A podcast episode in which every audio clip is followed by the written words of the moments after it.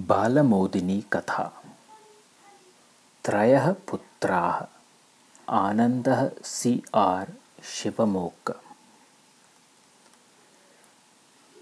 कस्यचित् धनिकस्य मृत्युकालः सन्निहितः।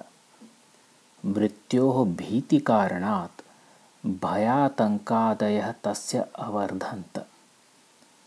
अन्त्यकाले पुत्राणां साहाय्यम् अपेक्ष्य धनिकः प्रथमं पुत्रम् अवदत्।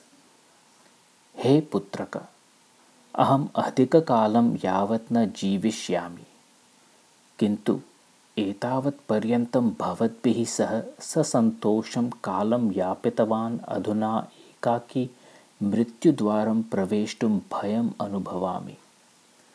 सङ्कटमये अस्मिन् समये भवान् किञ्चित् साहाय्यं करोतु इति प्रथमः पुत्रः एतत् अङ्गीकृत्य अवदत्।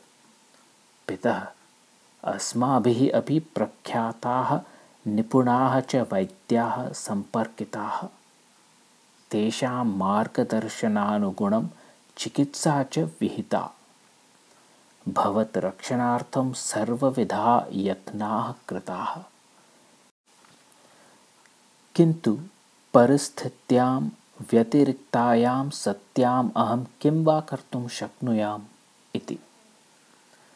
प्रयोजनहीनः असौ इति मत्वा धनिकः द्वितीयं पुत्रं निकटम् आहूय प्रथमपुत्रम् उद्दिश्य यत् उक्तं तदेव तमपि अवदत्।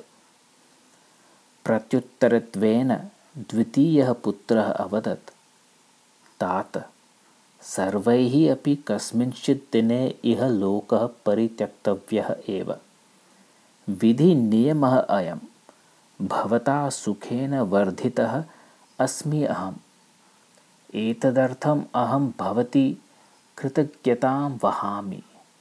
किन्तु इदानीम् अहं भवदर्थं किं वा कर्तुं शक्नुयाम्?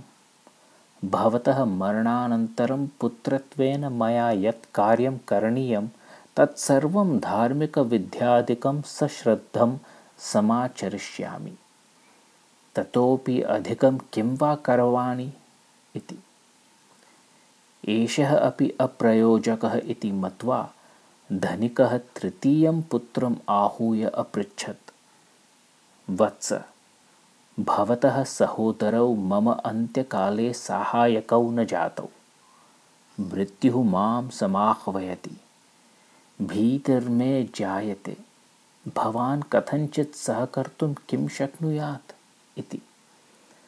तदा तृतीयः पुत्रः अवदत् जनक किमर्थं चिन्तयति भवान्?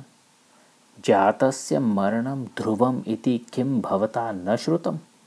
भीतिः कुतः? सधैर्यं मृत्युं स्वागतीकरोतु। अहमपि भवता सहैव भवामि मृत्योः द्वारं मिलित्वा एव प्रविशाव इति। एतत् श्रुत्वा धनिकः शान्त्या दिवङ्गतः।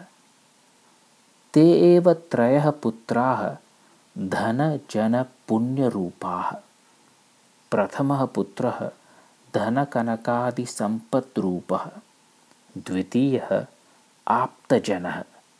तृतीयस्तु परोपकारः